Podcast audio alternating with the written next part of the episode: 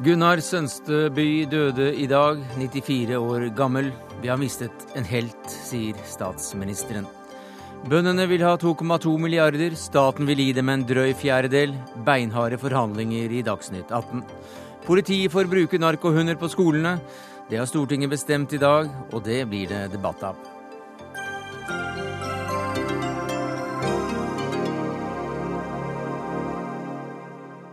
Det er noen av sakene i Dagsnytt 18 denne torsdagen, der vi også rapporterer om situasjonen i Syria og får besøk av vinneren av Fritt Ord-prisen, som deles ut i dag.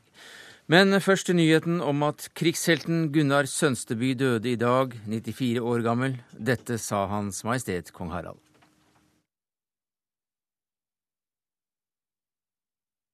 Sønsteby var jo Norges mest dekorerte soldat fra annen verdenskrig.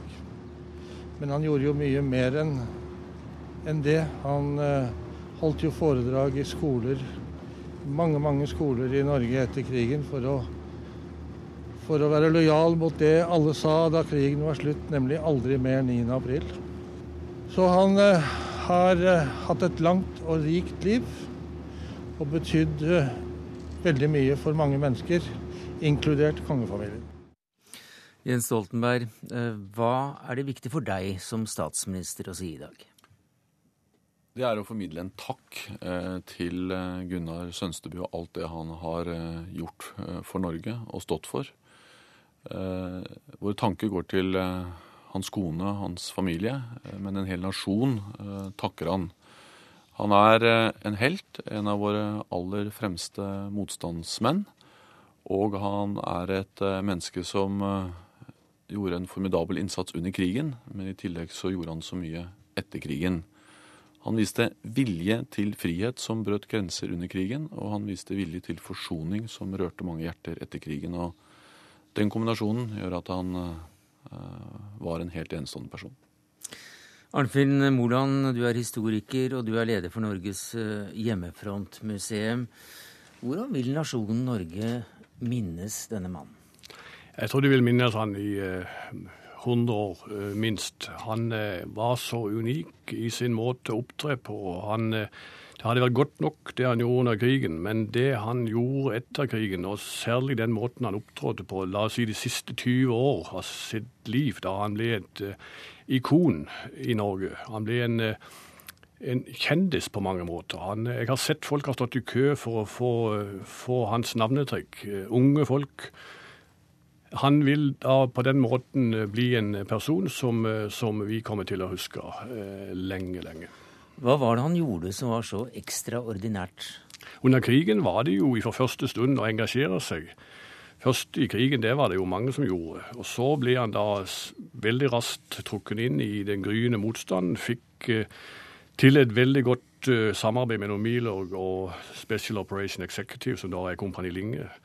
Og så ble han da leder for eh, sentralledelsens sabotasjeaksjon og Oslo-gjengen. Og i den egenskapen så gjennomførte han absolutt alt det han ble spurt om, og han gjorde det med en presisjon som var helt spesiell. Hva slags uh, aksjoner var det snakk om? Det var snakk om uh, f.eks. sprengningen av Kongsberg våpenfabrikk. Når vi snakker om i forhold til bombing, så ville jo det ha vært et klart bommemål under krigen. Han gikk inn sammen med et par kamerater og, og sprengte dette her såpass kraftig at den ikke kom i gang igjen.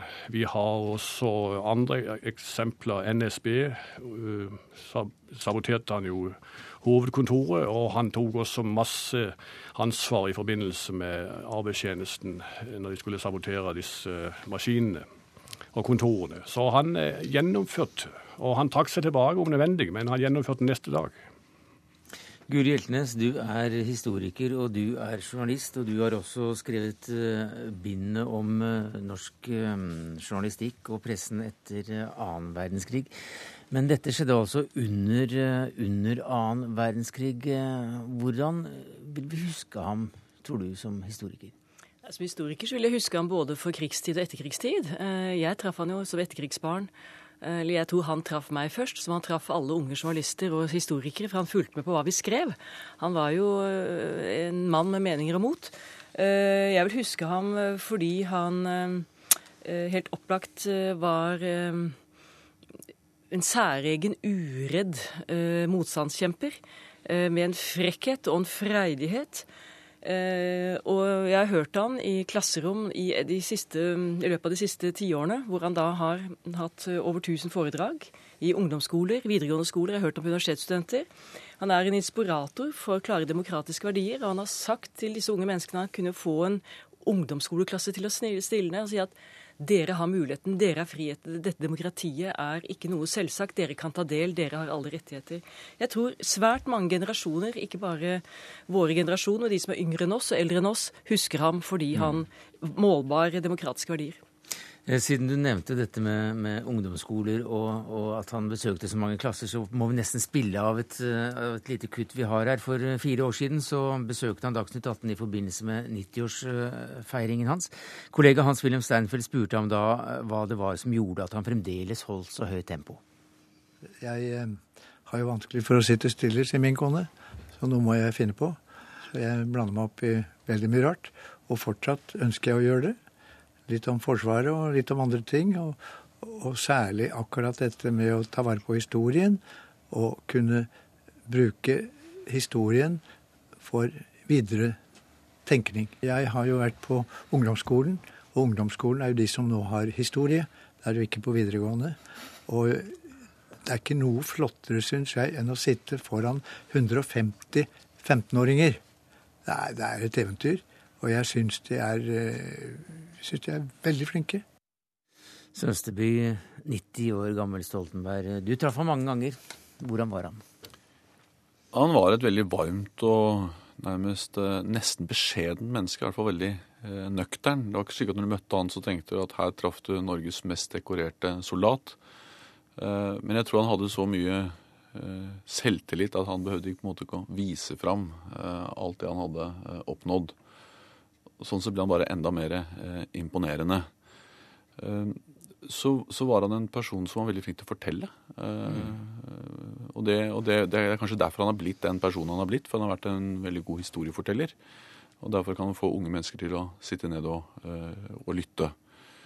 Um, jeg hadde gleden av Og så, så, han, ja, så var han ikke nostalgisk. Altså han, var, han, var, opptatt av å se fremover, være opptatt av viktige saker. Han engasjerte engasjert seg i veteransaken og var veldig opptatt av det.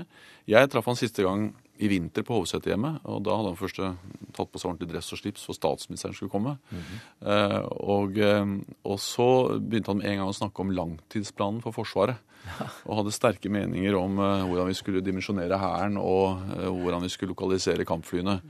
Så jeg trodde jeg skulle sitte og mimre litt og snakke litt om gamle dager. Eh, men vi brukte mesteparten av tiden på å diskutere den kommende langtidsplanen for Forsvaret, som da ikke var lagt fram ennå, men som vi da jobbet med. Så det var en mann som så framover og ikke bakover, selv om han hadde mer historie enn de aller, aller fleste mennesker.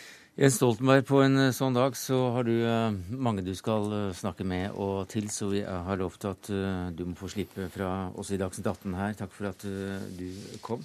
Arnfinn Moland, vi hørte altså da Sønsteby fortelle om, om, ungdommen.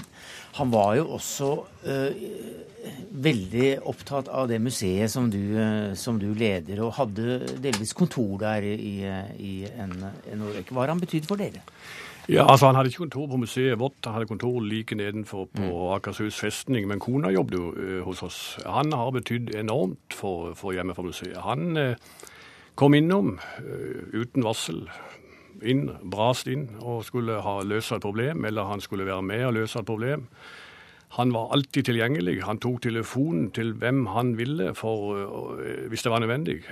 Så vi hadde en alliert og en, en, mann som da var opptatt av dokumentasjon. Det var ikke den mimretypen. Han var opptatt av dokumentasjon. Han skulle ha et, øh, en øh, historie bekrefta. Han skulle ikke ha noe sånn hearsay. Det var hans eh, måte å jobbe på. Når det ble bekrefta, så var det en del av historien. Så eh, i forhold til museet så passet han jo inn glimrende, og vi kommer til å savne han voldsomt. Han var eh, en beskjeden kar på egne vegne på mange måter. Uttalte flere ganger at han var en middelmådighet. Men det, det virker jo pussig i forhold til hva han fikk til. Ja, men Det gjorde han jo litt ut av. Han fikk jo uttelling for det. Han sa jo at 'jeg så jo så helt alminnelig ut'. Mm. Han med alle disse identitetene, alle passkortene, alle bevisene. Han, det å gå inn i mengden, det tror jeg han var kjempegod til det. Jeg har akkurat vært i dag nede på statuen står på Solli plass i Oslo. Der ligger det blomster og flagg. Men der står han ved sykkelen sin. ikke sant? Han var en, en gutt som kjente byen og kjente marka. Han kom fra Rjukan og var sprek og fjellvant, som mange motstandsfolk. Altså han, det å altså kunne gå inn i en mengde og det å være lommekjent altså Han var jo en operatør. En begavet operatør, så var han kaldblodig. Nummer 25. Hvorfor het boka Nei, 24. Hvorfor het boka det?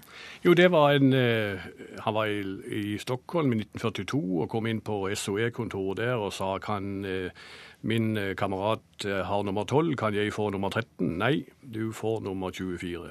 Og da ble det hans dekknavn. Mm. Men han hadde jo mange andre. Han var jo i London som Erling Fjell, og hadde han mista livet under krigen, så hadde det vært Erling Fjell som døde i London. Mm -hmm. Så dette var helt gjennomført. Men Kjakan, da? Kjakan var et, eh, et tilfelle der de holdt på å tøyse litt, og noen ville kalle seg Tyttebærbråten, og noen skulle kalle seg Kjakabråten. Og da ble det forkortelsen Kjakan som ble hans forkortelse og navn. Og som han da sa, som alltid humoristisk han var, det er kjeven i finere selskap. og fornavnet han brukte på Kjakabråten, det var Umulius. Eh, men Hjeltnes fortalte her om denne Per Ung-statuen på Solli plass eh, i Oslo. Det var altså med, med sykkel. Eh, han brukte sykkel? Ja, han brukte sykkel. og det når vi lagde denne her dokumentarserien om han som gikk på NRK på 90-tallet, så kalte vi første episode 'Mannen med sykkelen'. Og det er jo det som har inspirert Eh, kunstneren her. Han eh, sykla rundt, det var en veldig fin måte å, å, bevege seg på.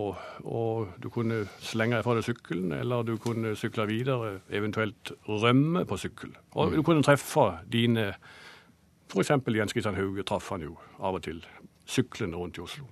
Og I Max Manus-filmen så ser vi jo etter den store, berømte eksplosjonen, så hiver de seg på sykkelen og stikker av. Ja visst. Ja visst. Hva slags uh fortellinger og, og, hemmeligheter er det han har tatt med seg, tror du? Ja, nå vil jeg tro Nå er det dagen for å minne seg. Jeg er helt sikker på at analysene kommer i stort tall etterpå. Men kommer de? Kommer ja, historiene? Ja, er det et arkiv kan, som kan åpnes? Ja, det tror jeg. Vi får spørre Arnfinn Moland. Jeg er helt sikker på at det vil komme, komme Noen drypp vil det komme. Jo, det er klart at historien er jo av den type at nye dokumenter, nye opplysninger kan dukke opp. Mm. Men akkurat når det gjelder Gunnar, så, så, har jeg hatt så nær kontakt med han i så mange år. Han har fortalt meg han hjalp meg veldig mye når, vi, når, jeg skrev om eh, likvidasjoner, så jeg har ikke den troa på at han tok med seg i grava antall detaljer om hvem som utførte dette her, og det mm. må han få lov til. Han eh, er altså da, eller var, eh, som vi har hørt, Norges mest dekorerte mann. Han fikk bl.a. Krigskorset med tre sverd som, som, den eneste. Hva betyr det? Ja, Det betyr jo at han utmerker seg. Så du kan si at uansett nesten hva andre måtte ha fått, så måtte han fått en ekstra. For det at han, han var allerede i 45-46 i alle allierte sammenhenger nevnt som en helt spesiell eh, motstandsmann. Så dette her er ikke noe som har bygd seg opp som en slags eh, hype etter krigen i 60-, 70-, 80-, 90-tallet. Leser du kilder fra 46, 47, 45, så ser du at Gunnar Sønsteby har allerede utmerka seg. Da har vi eh mintes en, eh, en, stor krigshelt og en stor mann som har betydd mye for alle som har møtt ham, og alle som har eh, fulgt med i hans liv og virke gjennom så mange år. 94 år ble altså da Sønsteby. Takk skal du ha, Arnfinn Moland, historiker og leder for Norges hjemmefrontmuseum. Takk skal du ha, Guri Hjeltnes, direktør ved Holocaust-museet, journalist og historiker.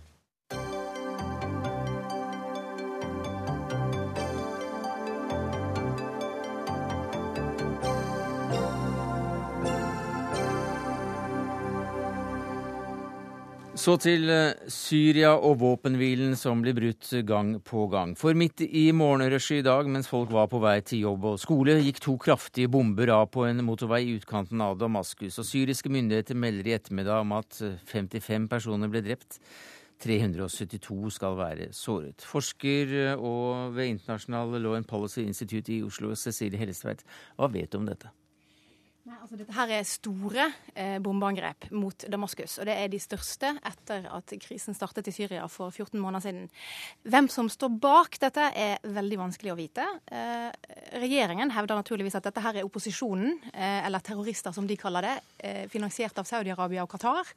Eh, og regjeringen ønsker nok å si at dette er krefter som ønsker å sabotere den politiske prosessen som regimet i Syria faktisk har initiert. Det var valg i Syria på mandag 7. mai eh, denne uken, eh, hvor politiske partier utover Bat-regimet fikk lov til å delta for første gang. Det var et veldig begrenset antall mennesker utenfor Bat som, som i realiteten som fikk delta. Eh, men det regimet ønsker å si, er at vi har en politisk prosess dette er terrorister, og dette er et godt eksempel på hvor eh, ekstreme de er, hvem de er linket til internasjonalt. Opposisjonen på sin side sier at dette her er regimets eh, egne ting. Dette her er noe de selv har iscenesatt for å rettferdiggjøre den voldsomme utrenskningsprosessen som regimet har pågående før, under og for så vidt eh, etter, men under hele denne våpenhvilen som trådte i kraft for, for under en måned siden. Eh, så her er det på en måte Regjeringen sier at dette er opposisjonen som har gjort, og opposisjonen sier at dette her er iscenesatt av regjeringen for å rettferdiggjøre den kampanjen de mm. driver på med. Hva sier du da, som uh, uavhengig forsker? For oss utenforstående så er vel dette her et, nok et bevis på at det er veldig vanskelig å avgjøre eller ha noen klare formeninger om hvem som egentlig står bak veldig mye av det som skjer i Syria. Det kan være visse krefter i opposisjonen, det kan være andre grupper utenfor den mer eh, samlede opposisjonen. Eh, det kan være utenlandske eh, krefter som kommer inn og hjelper til, eller veldig eh, ofte mistenker man jo at regimet har en finger med i spillet, fordi det også tjener deres eh, hensikter her. Så dette her er først og fremst et bevis på at situasjonen i Syria er i ferd med å bli så alvorlig at det blir vanskelig både for oss utenforstående, men også for så vidt for syrere i Syria, å vite helt hvem som står bak de ulike aksjonene som rammer eh, først og fremst da sivile syrere. Ja, for Hvis det er opposisjonen, hvorfor sier de ikke det? da? Det må da være en fjær i hatten for en opposisjon å vise at de har slagkraft nok? Dette handler jo om eh, at for det første på, den, på, på opposisjonens side så er det stor fraksjonering. Så det kan gjerne være noen mer ytterliggående deler av opposisjonen, bl.a. en gruppe som har påtatt seg ansvar for flere selvmordsangrep vi har hatt de siste ukene, eh, som, som, som, ønsker å kjøre mye mer hardt overfor regimet. Eller det kan være at opposisjonen, som jo har et ønske om internasjonal intervensjon, de har et ønske om at verdenssamfunnet skal komme de til unnsetning, på denne måten søker eskalering av eh, konflikten. Mens Syria på sin side, altså syriske regime og Assad-regimet, føler at de fortsatt har veldig mye å gå på her, så de kan på en måte ty til, til sterke virkemidler. Det som er litt interessant med akkurat de, de, målene som er valgt her, er at dette her er syrisk etterretning, militær etterretning, som er rammet. Og det er sånn rent eh, Hvis man skal spekulere, så er det jo grunn til kanskje å tro at det peker i en annen retning enn til syriske myndigheter selv. For de vil nok antageligvis ha valgt et annet mål i eh, Damaskus-området. Dette her er to, om, to compounds som syrisk militæretterretning har benyttet seg av i mange år. Og eh, særlig det ene har rykte på seg for å ha blitt brukt til, til å, å, huse særlig religiøse opposisjonelle. Så det kan jo kanskje også tyde på at her er det noen som er ute etter mm. eh, å slå flere fluer i en smekk. Men du nevnte da ø, opposisjonen, at den var splittet eller uh, mangefasettert. Uh, kan du si noe om den? Hva slags grupper er det? Al Qaida blir påstått å, stå ganske sterkt i, hvert fall deler av den? Ja, altså, jeg tror nok Her er det veldig mye spekulasjoner, og det har på en måte vært rykteflom eh, i, i, mange mange måneder om hvem dette egentlig er. Eh, I nordlige deler av Syria så har du konservative områder hvor det er en del eh, salafister, som vi jo har stiftet bekjentskap med i, i, andre arabiske land i det siste, uten at de nødvendigvis har tilknytning til Al Qaida. Eh, men det er klart, det som har skjedd i løpet av den eh, syriske konflikten, er at Assad-regimet har hermetisert det syriske territoriet og har fått et ekstremt splittet bilde i opposisjonen. Det, det som er eh, en opposisjonell gruppe i nord, kan være noe helt annet enn en opposisjonell gruppe i sør. Og så har du en sterk eh, diaspora blant syriske opposisjonelle som har store problemer med å enes. Så både politisk har man mange grupper i Syria og utenfor Syria. Og også militært har man etter hvert eh, klare fraksjoner som opererer til dels uavhengig av hverandre. Mm. Opposisjonen selv har jo for så vidt eh, indikert at den ønsker å bruke freds altså våpenhvilen som eh, en mulighet til å samle seg både politisk og militært. Men det er jo i så fall ikke med tanke på reelle forhandlinger, men kanskje med tanke på at man, eh, man går til en større offensiv seinere. Sara Asme Rasmussen, du er samfunnsdebattant, du er forfatter, du er Syria-kjenner blant mye annet. Og du er født i Damaskus, kom til Norge som flyktning som 22-åring. Hvordan vil du beskrive situasjonen i hjemlandet ditt nå? Veldig dramatisk, øh, og har utviklet seg enda mer dramatisk i de siste par månedene. Etter at man så en spire til håp. Så som Hellestveit sier her, så er det veldig vanskelig å få sikkerhet om hvem som står bak bombeangrepene, hvem som skal få skylden for opptrapping av vold. Eh, samtidig så syns jeg at det skal være eh, helt klart for oss at eh, det er regimet som har, bærer både det politiske og moralske ansvaret for denne eskaleringen og denne veldig eh, tragiske situasjonen for eh, ett land, en nasjon, og for en sivilbefolkning mm. som nå har en veldig vanskelig humanitær situasjon. Eh, det er nå et land som er blitt splittet etter et forsøk fra eh, folket, den yngre generasjonen, på ren sivil sivile krav om demokratisering, mer åpenhet i politiske prosesser.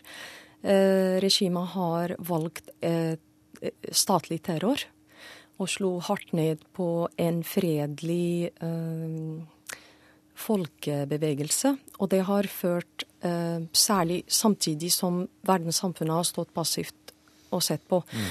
Eh, så det vi ser nå, er faktisk, til tross for at det er meget trist, så er det bare å forvente at det har utviklet seg som det har gjort. Helseveit, eh, det er jo da en våpenhvile. Skulle man kanskje ikke tro, men altså det, er, det, er, en våpenhvile i gang her. Og det er eh, ikke fredsbevarende, men det er observatørstyrker fra FN ledet av det norske eh, general, eller oberstløytnant, general Mood. Men veien framover virker jo ganske skjør da, når det gjelder denne våpenhvilen, når den ikke holdes etter, etter få dager. Ja, nå er det som, snart, som, sagt snart en måned siden den trådte i kraft. Den trådte i kraft den 12. april. Og nå kommer tall på eh, døde etter at våpenhvilen trådte i kraft, som rangerer mellom 800 og 1000 mennesker som da har, har dødd i kamphandlinger, nær sagt, siden, eh, siden, den gang. Så det er klart, dette her er eh, ikke en våpenhvile som den som man skulle gjerne ønske å ha. Men det har jo sammenheng med at partene her på begge sider er egentlig ikke klare for å legge ned våpnene.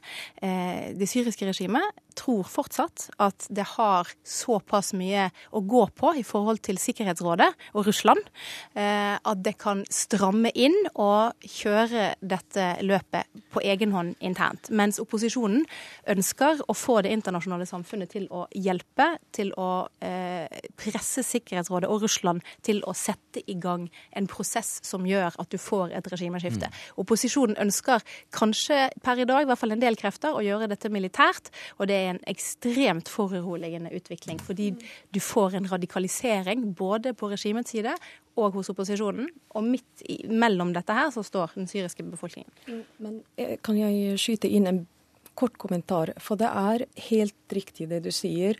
Eh, men, men eh, jeg syns at vi ikke skal fremstille det som om opposisjonen og regimet har den samme militære slagkraften. Fordi det er veldig viktig å peke på, samtidig som du beskriver at begge parter faktisk aktivt deltar i militære operasjoner, så har vi en veldig stor og sterk hær med artilleri mot en opposisjon som har veldig få og primitive våpen. Takk for den presiseringen, eh, Rasmussen. Cecilie Hellestveit, forsker ved International Law and Policy Institute i Oslo. Takk for at du kom til eh, Dagsnytt 18 i dag. Vi må nemlig skynde oss videre med deg, Sara eh, Rasmussen. For om en, om en knapp halvtime, eller ja, klokka er fem på halv nå, altså klokka 19 norsk tid, så skal eh, du sammen med en rekke celebre gjester eh, komme deg inn på eh, scene to i Den norske opera og ballett. For der skal du få Fritt Ord-prisene for 2012. Gratulerer med dagen. Takk, takk. Eh, ifølge stiftelsen får du prisen for ditt modige og kompromissløse engasjement for individets ukrenkelighet, for ytringsfrihet og religionskritikk. Hva betyr denne utmerkelsen for deg? Eh, en selvfølgelig stor ære å få denne prisen. Mm. Eh, men det som er veldig viktig, er at eh, prisen er jo setter fokus på det arbeidet jeg har gjort, på de sakene som, som er veldig viktige. Så det er det jeg er mest glad for.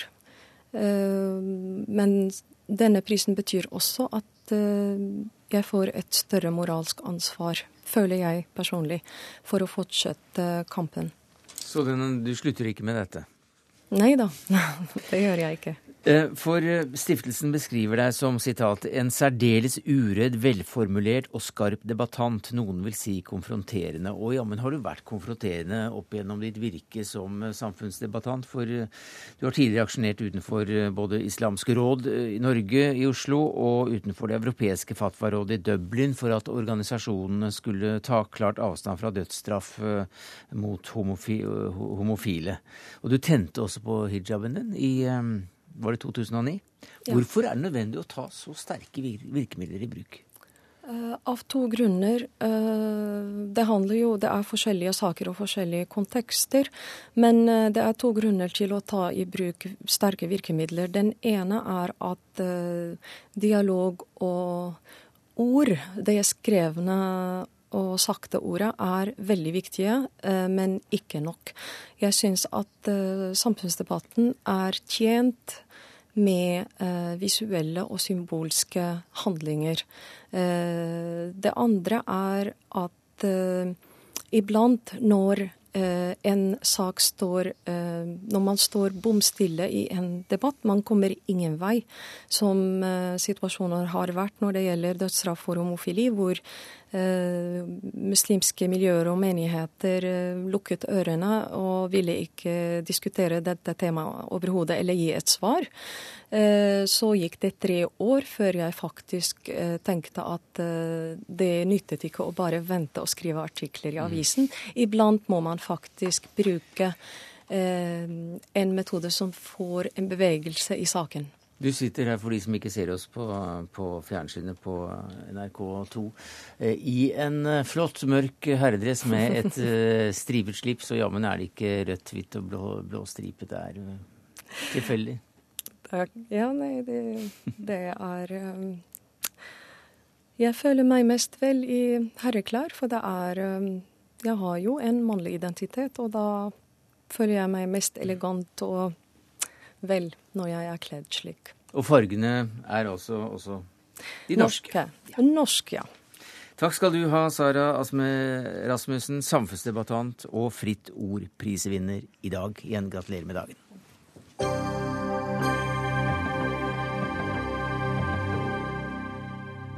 Overlevende etter terroren på Utøya fortsatte å vitne i dag. En av de overlevende fikk trusler og måtte forlate rettssalen med politieskort. Haldor Asvald, du dekker rettssaken for NRK. Hva var det som skjedde? Ja, noen har sendt en e-post til avisa VG med konkrete trusler mot Mohammed Abdulrahman, som var det siste vitnet som forklarte seg i, i rettssalen eh, i dag, eh, hvor det ble skrevet at han skulle tas på vei hjem fra tinghuset. VG varslet politiet, som igjen fikk stoppet Abdulrahman på vei ut av, eh, av rettssalen, fraktet ham til et sikkert sted med politieskorte, og har nå satt i gang sikkerhetstiltak rundt ham. Og selv sier han til NRK at han ikke vet hvem som står bak disse truslene. Hva fikk retten høre i dag?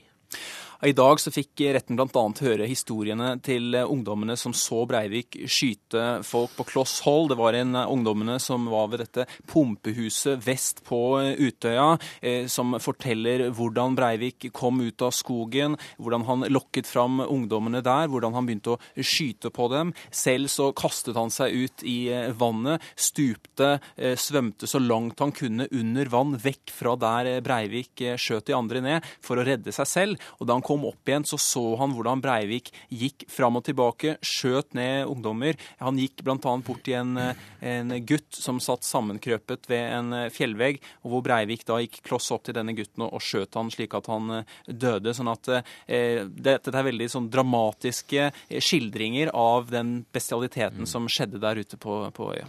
Knut Magnus eh, Berge, du kommenterer dette for, for oss her i NRK. Det var tre vitnemål. Hva er det aktoratet ville med det? Det var tre vitnemål som eh, på mange måter er veldig forskjellige.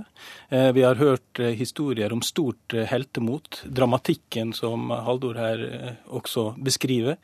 Men stort heltemot, en 17-årig jente som altså klarer å berge livet på i alle fall en, kanskje to, som hun hjelper på sin vei, mens drapsreidet til Breivik pågår. Det disse tre historiene har til felles, eh, som vi fikk i retten i dag, er at alle de tre har observert Breivik over noen tid i tre forskjellige situasjoner.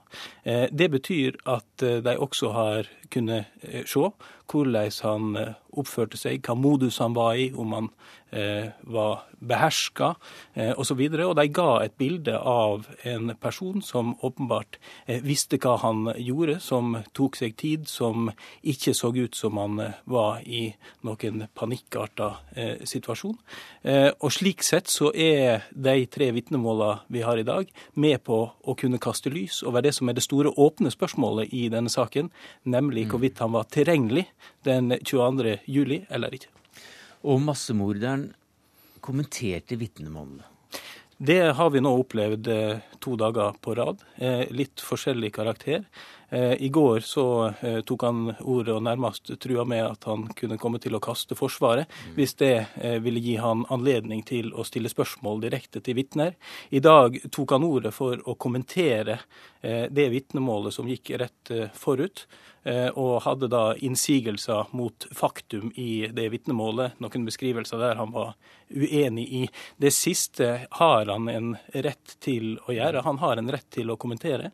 Eh, det som undrer meg, det er at eh, det må skje på en slik måte at disse unge vitner, som da sitter, har opplevd sin mest traumatiske eh, opplevelse på Utøya, sitter og forteller om dette i retten, at de må oppleve dette mens de sitter i vitneboksen. At det ikke går an å ordne det på en måte som gjør at f.eks. dommeren sier at du kan få lov å kommentere, men først har vi lyst til å takke av eh, dette vitnet. Det kommer uansett til slutt, og vi vet jo at han ikke har eh, rett på direkte å stille spørsmål til, til disse vitnene. Ja, hvordan virker dette på, på, de som er til stede i rettssalen? Eh, Nei, det er jo sånn at det går et lite uh, støkk i, i, folk hver gang han uh, tar ordet. Vi må venne oss til det. Han har den retten, og han kommer sikkert til å benytte den igjen. Men altså igjen, uh, jeg kan ikke helt se at det er nødvendig at det skal skje mm. mens vitner sitter i vitneboksen, og altså da skal bli imøtegått av Eh, gjerningsmannen eh, på det faktum som de nettopp har vitna om. Takk skal du ha, Knut Magnus Berge. Takk til deg, Haldor Asvald.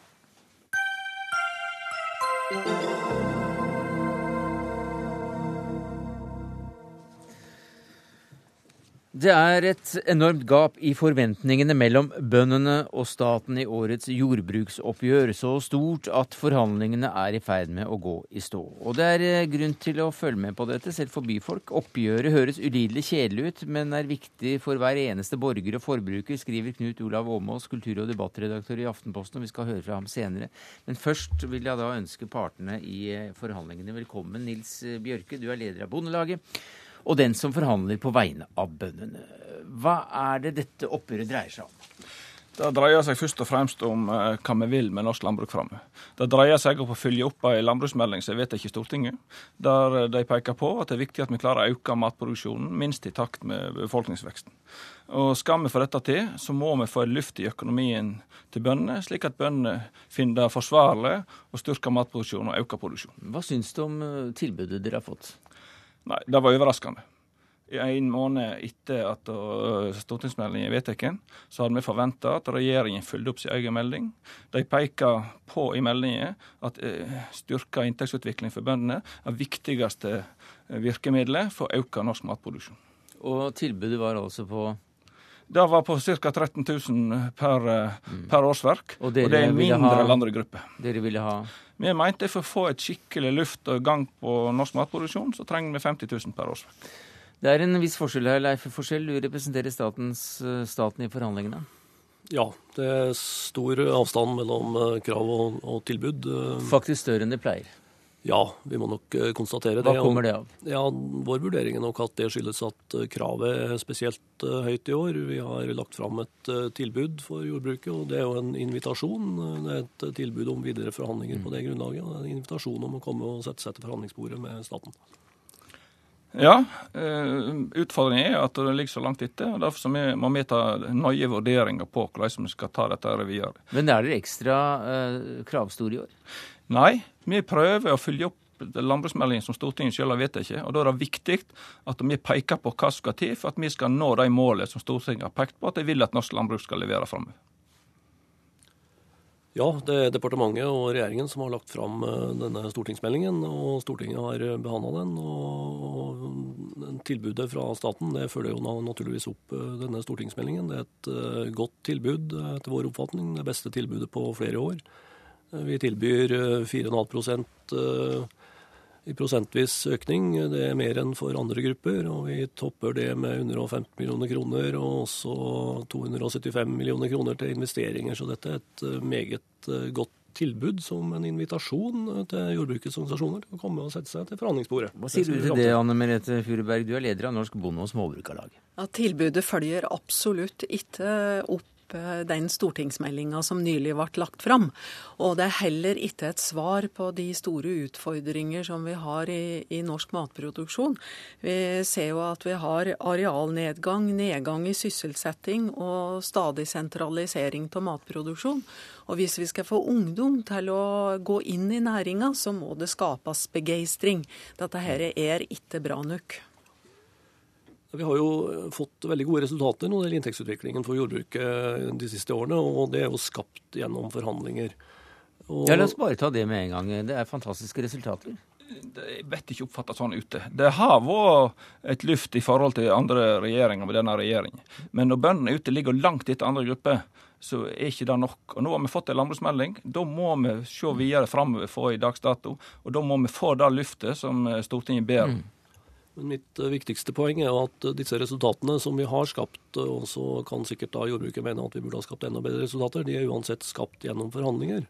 Og Det er det som er mitt viktige budskap i dag, at eh, staten har kommet med en invitasjon til forhandlinger. Vi har lagt et tilbud på bordet, og all erfaring viser at de beste resultatene for jordbruket det oppnår man ved å gå inn i forhandlinger. Forskjell, Har det gjort eh, arbeidet ditt litt vanskeligere at det kom en ganske vidløftig eh, stortingsmelding om hvordan landbruket skal se ut i framtiden, forholdsvis kort tid før dere kom med tilbudet? Nei, overhodet ikke. Men det er klart at det har økt eh, interessen eh, rundt landbruks- og matpolitikken. Og det er jo viktig at interessen eh, er til stede rundt landbruks- og matpolitikken. Og utfordringen nå er å følge opp den meldingen på en god måte. Men Hvilken retning mener du at statens tilbud har? For dere vil jo noe med det, dere vil ikke bare drysse helt jevnt over? dere vil jo Nei, ha en retning på Retningen er jo at vi tar på alvor at det fortsatt er inntektsutfordringer i jordbruket. Vi løfter inntektene videre på det gode grunnlaget som foreligger under denne regjeringen over flere år. Og så har det jo en retning der vi da satser på noen produksjoner som har ekstra gode markedsmuligheter, som storfekjøttproduksjon og grøntsektoren i Norge. Eh, Det er feil å si at inntekten løftes når det i tilbudet 13 000 andre grupper for 17,5, og når vi da ligger så langt etter. Det blir sagt at inntektsutviklingen skal være så mye bedre, men det er ikke utviklingen vi lever av. Vi lever av den reelle inntekten. Og når det er 180 000 vi ligger etter etter andre grupper vi kan sammenlignes med. Hvem i all verden vil gå inn og velge et slikt yrke? Og nå må vi øke matproduksjon i eh, Norge over hele landet. Økt matproduksjon på norske ressurser over hele landet. Vi må gå ifra ord til handling, og det gjør ikke regjeringen i tilbudet sitt. Det ble jo sagt når eh, meldinga var til behandling at konkretiseringen skulle komme i tilbudet som staten kommer med, og i jordbruksoppgjøret. Og vi er villige til å gå inn og skulle lage et godt eh, jordbruksoppgjør, men da må staten komme med helt andre ting enn staten har kommet med. Men det er altså en utstrakt hånd om forhandlinger, og dere driver på litt før det blir brudd, og så vedtar Stortinget det staten har bestemt? Vi vurderer nøye hva vi skal gjøre. Fra time til time? Men eh, det, det er klart at vi er nøyd å få til et løft i år. Det er det som uh, ligger i meldingen, og vi er nøyd. Bøndene er ute, sliter. Det er mange bønder som vurderer skal jeg gi meg eller skal jeg investere. Og da må vi uh, i lag med Vi vil helst gjøre det i lag med regjeringen, få vist at her, dette betyr noe. Her er det en framtid i norsk landbruk, men da må det vise konkret i årets oppgjør. Hvordan er stemningen blant uh, dine medlemmer i Småbrukarlaget? Ja, det er slik at her blir det skikkelig sagt ifra dette her går ikke an. Og eh, vi er klare til å ta det ansvaret som måtte komme. Ja, hva betyr det? Eh, hvis ikke det kommer noe bedre for staten, og vi håper i det lengste, men hvis ikke, så eh, må vi gjøre noe. Hva da? Det kan være snakk om brudd, men vi vurderer fremdeles. Ja, Brudd pleier ikke å være så dramatisk. Altså, det som skjer da, som sagt, er at Stortinget bare vedtar omtrent det, det regjeringen bestemte seg for. Men hva slags aksjoner kan det bli snakk om? Med de eh, utfordringer som er eh, i matproduksjonen i Norge, og det vi ser ute i verden òg med matkrise, så må Stortinget ta det ansvaret som regjeringen nå ikke har gjort. Men hva slags uh, ris bak speilet eller aksjonsmuligheter er det dere ser for dere? Eh, det kan vi ikke røpe her og nå over lufta. Men det er planer allerede? Det er klart. Som sagt, eh, så er vi ennå i diskusjonsfasen, og vi prøver og sliter og ser hva vi får til. Men det må være sånn at bøndene ute merker at dette her betyr noe. Det er det viktigste for oss. Vi må få og dersom ikke vi følger det, så får Stortinget se om de mente noe når de la stortingsmeldinga, og så får de ta ansvaret. Men som sagt, vi håper å få til et resultat. Vi skal etter hvert få inn noen kommentatorer på dette her. Men eh, ble du eh, som leder av Norsk Bonde- og Småbrukarlag, Anne Merete Furberg, overrasket over at det var kulturredaktøren i Aftenposten som begitt oppgjøret en helsides kommentar i dag? Jeg ble så glad for det. Og innholdet i artikkelen og i avisa Aftenposten, det betyr veldig mye for oss.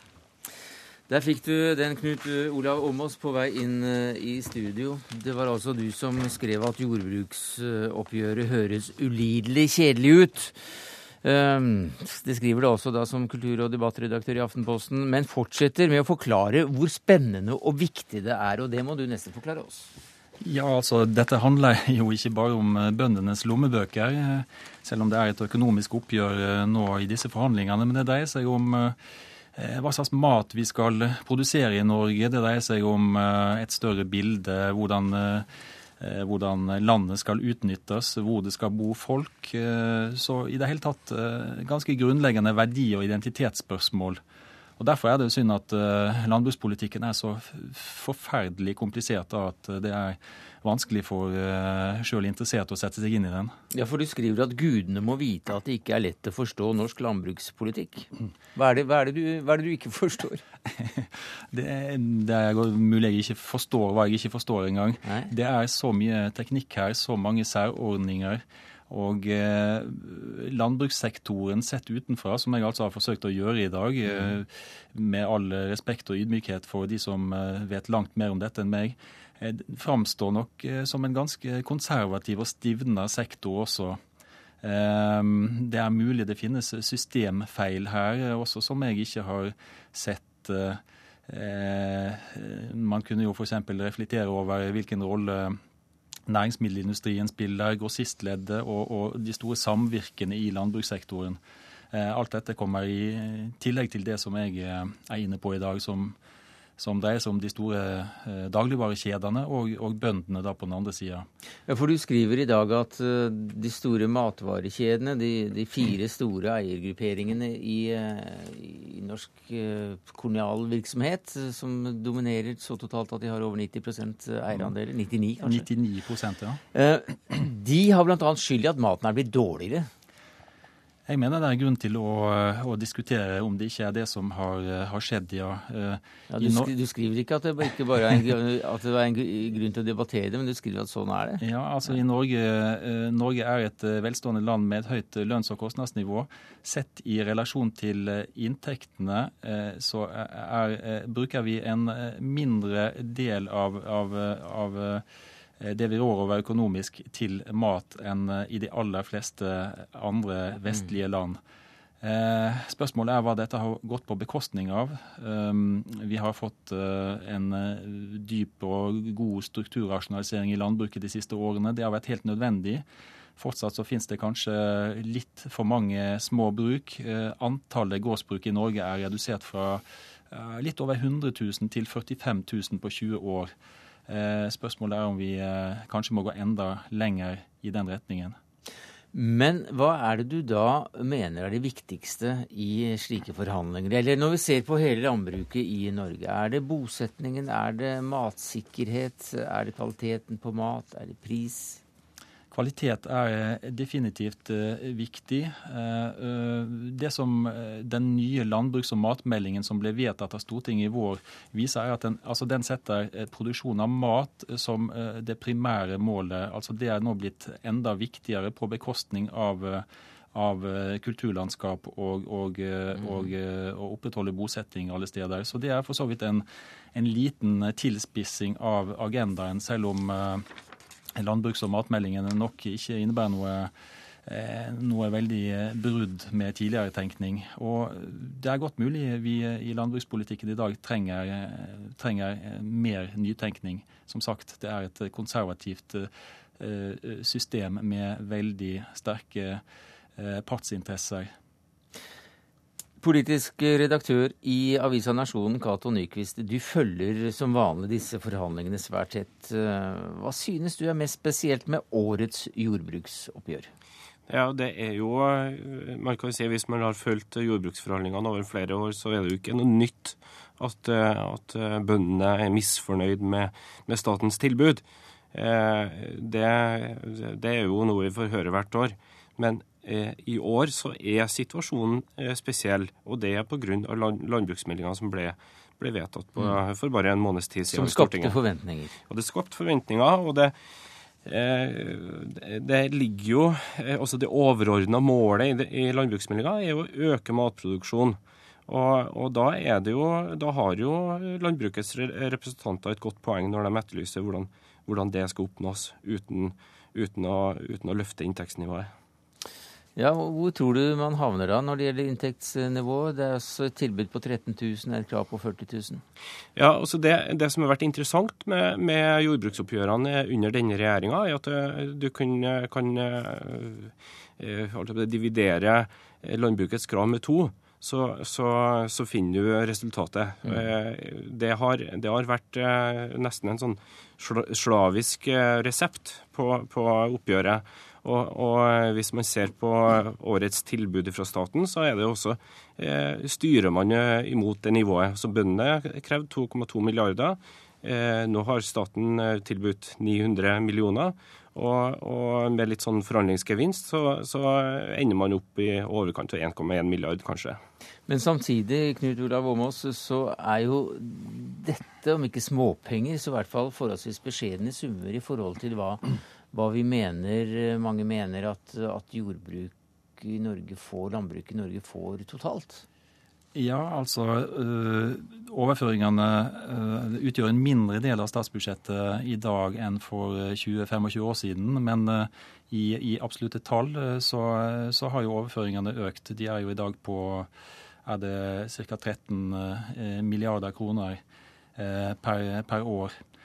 Eh, likevel eh, så er jo eh, gjennomsnittsinntekten per årsverk i landbruket nokså lav. altså Det er snakk om en næringsinntekt på 145 000 kroner. Mm. og Nå kan ikke det direkte sammenlignes med den norske gjennomsnittlige lønnsinntekten på 440 000 kroner, men likevel det antyder en kløft. Og Da er det grunn til å spørre om vi setter nok pris på bøndene i eh, Norge og bøndenes innsats. Ja, hva synes du? Jeg er tilbøyelig til å svare nei på det spørsmålet. Jeg syns eh, norske bønder bør få, bør få, mer betalt for den eh, sterke og strevsomme jobben de gjør. På bekostning av næringsmiddelindustri, grossistledd og, og dagligvarekjedene. Mm. Men som sagt, det er et uhyre komplekst system å bryte opp i dette her. Ikke minst preget av en del av landbrukets egne organisasjoner og, og samvirketiltak. Kato Cato Nyquist, du kan jo en god del om, eh, om, disse overføringene og dette spillet her også. Og også det politiske som politisk redaktør, for her er det altså Bondelaget og Senterpartiet, som, som, spiller en slags hovedrolle. For, eh, for, vi har jo en senterpartist som, eh, som, sitter som landbruksminister. Hva gjør det med disse forhandlingene her? Altså, det, det, får eh, det utslaget at det sitter veldig langt inne for Bondelaget å, å, å gjøre sånn som småbruk. kritisere? Ja, ja, så kritiserer gjør de, men de, de, de underskriver på avtalene til slutt. Eh, og men det er en ganske sånn kostbar vei for Bondelaget også, for eh, presset nedenfra er, blir større og større. I fjor så var det sånn at et flertall av fylkeslederne ønska et brudd. Og, og, når man da i år har en landbruksmelding som, som, eh, en landbruksmelding som har økt forventningene på, på grunnplanet, så, så, vil det være vanskelig for, for Bondelaget å, å, mm. å, å, akseptere en avtale på samme nivå som tidligere. Thomas. Det er iallfall ingen tvil om at eh, dette er en bredere debatt enn bare snevert begrenset til politikk og økonomi. Altså, Av alle de kommentarer jeg har skrevet de siste årene, så har jeg sjelden opplevd et sånt uh, vell av reaksjoner i dag. Og det dreier seg om bøndenes posisjon i det norske samfunnet. Er den veldig privilegert, eller er den uh, rett og slett katastrofalt dårlig? Det er et, uh, en debattintensitet som man nesten bare opplever når, når man diskuterer religion i Norge. Mm. Og også første gang antagelig at du i hvert fall her i studio Dagsnytt 18 fikk åtgaum eller sterk ros av lederen for Småbrukarlaget. Takk skal du ha, Knut Olav Åmås, kultur- og debattredaktør i Aftenposten. Takk til deg i Trondheim, Cato Nyquist, politisk redaktør i avisen Nasjonen.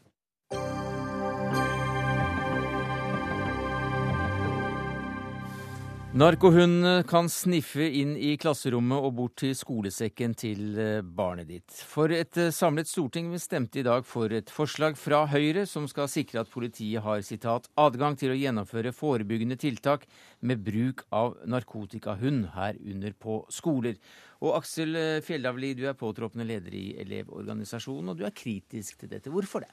Dette er jo et uh, grunnleggende brudd mot uh, elevenes rettssikkerhet. Eh, det strider mot eh, en del av de prinsippene som i hvert fall er regner som eh, helt sentrale i en rettsstat, i det at man ikke skal trenge å bli ransaka av politiet hvis man ikke er mistenkt for noe kriminelt. Jeg trodde at du som stortingsrepresentant for Høyre var svært opptatt av akkurat rettssikkerheten i Norge, Michael Tetzschner, men dere har altså da foreslått dette? Ja, men jeg er over gjennomsnittet interessert i rettssikkerhet. Og jeg må også si at uh, dette forslaget, som er fremmet av fire utmerkede kolleger av meg i Høyre, eh, de har jo ikke ønsket å endre straffeprosessloven eller uh, politiinstruksen. Slik at vi skal jobbe etter altså etterforskningsprinsippet. og Det betyr at man ikke går inn med en konkret ransaking uten at det er indikasjon, altså skjellig grunn til å tro at noen har begått lovbrudd. Det det er snakk om her, det er å hjelpe skolene til å holde eh, områdene rundt skolen, opp til skolen og i skolen eh, narkotikafrie.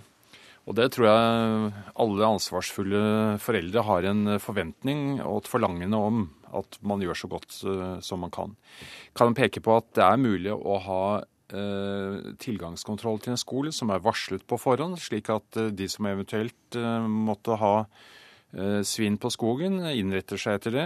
Og poenget er da ikke å ta noen, men å varsle at eh, det er en alvorlig sak å oppbevare narkotika og kjøpe narkotika, narkotika og ikke minst selge narkotika. Det er helt uproblematisk at politiet griper inn dersom det er skjellig grunn til mistanke om eh, besittelse eller bruk av narkotika på en skole.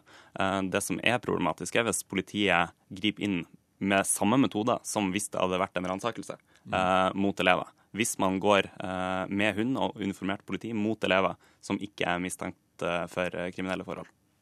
Det er jeg helt enig i. Derfor så ble det også gjort siden Og det var et utmerket arbeid Elevorganisasjonen gjorde på forhånd ved å problematisere den siden. fordi selv om det ikke ble sagt uttrykkelig at man ikke skulle forandre etterforskningsprinsippet, så var det veldig fint at Stortinget også gjorde en presisering under behandlingen i dag som nettopp går ut på at man selvfølgelig skal være innenfor de vanlige politimessige forsvarlige grensene, og at man ikke utsetter uskyldige for, for sånn inngrep. Og jeg tror særlig det er viktig for ungdom at de også opplever at myndighetene og politiet og skole ikke mistror dem, men at de blir møtt med, med utgangspunkt den tilliten at man gjelder for å være et godt og hederlig menneske inntil det motsatte er bevisst. Uh, ja, og vi er veldig veldig glad for at uh, Venstre fikk uh, gjennomslag for forslaget sitt om at det skal være Eh, aktivt samtykke før eh, politiet griper inn med hund og uniform. Jaha, Så men, det lå ikke i Høyres forslag? Nei, det lå ikke i Høyres forslag Nei. i utgangspunktet, men vi er veldig glad for at, eh, at, det ble lagt til. Men likevel så er det verdt å problematisere eh, forslaget sånn som, det, sånn som det står nå.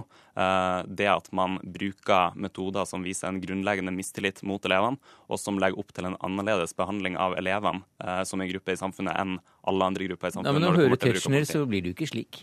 Nei, men det er en forskjell på det og den praksisen som, eh, som skjer ute i klasserommene. Vi har sett mange stygge eksempler på at eh, politiet har eh, på, på at elever har eh, følt seg rett og slett skremt av den måten som, eh, som politiet har, har altså gjennomført aksjonene på. Og, men, men, jeg skjønner ikke dette helt. For Venstre fikk altså inn dette samtykkeelementet i, eh, i, i, dette. Og hva skal man samtykke om da? At man kan foreta for razzialignende Nei, for eksempel, det var det jeg var inne på i sted. At i noen sammenhenger så kan det være en utmerket forebyggende innsats å ha varslede kontroller. Det er noen som tror at det gjelder å komme uvarslet og overrumple folk og få nærmest razziatilstander. Da ville ikke men, det hjulpet mer enn å si at nei, vi kommer neste uke, så nå må dere holde hasjen deres litt unna skolen? Nei, ikke litt unna. Det er for å markere at det også har en politimessig side. Så, eh, som jeg sa i dag, at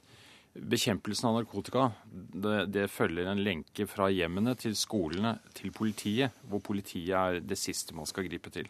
Men å minne om at også oppbevaring og ikke minst salg av narkotika kan ha en politimessig side, det er meget viktig. Og så, så har jeg også at når det gjelder kontroll rett utenfor skolen, skoleporten, vi har hatt problemer her i byen, så kan man ta uvarslede kontroller av mennesker som ikke har noe med skolen og noe på mm. skolen å gjøre, men som eh, oppfører seg på en måte som gir skjellig grunn til mistanke om at de er ute etter å pushe eh, narkotika men allikevel, Tersen, er det ikke i overkant naivt å tro at du kommer til å skremme noen eller ta noen hvis man varsler på forhånd at onsdag klokka tolv så kommer vi og skal se om dere har noe hasjis her? Jeg tror at man får enda mer ut av det ved å varsle bredt og så si at dette er, ja, gjør vi fordi det er ikke lov å ha rusmidler av denne karakter på skolen, og vi ønsker å ha skolene som et narkotikafritt område. Ja. Og det må alle hjelpe til med. Men det er ikke sånn politiet pleier å jobbe når de har lyst til å, ta noen kjeltringer? At de varsler på,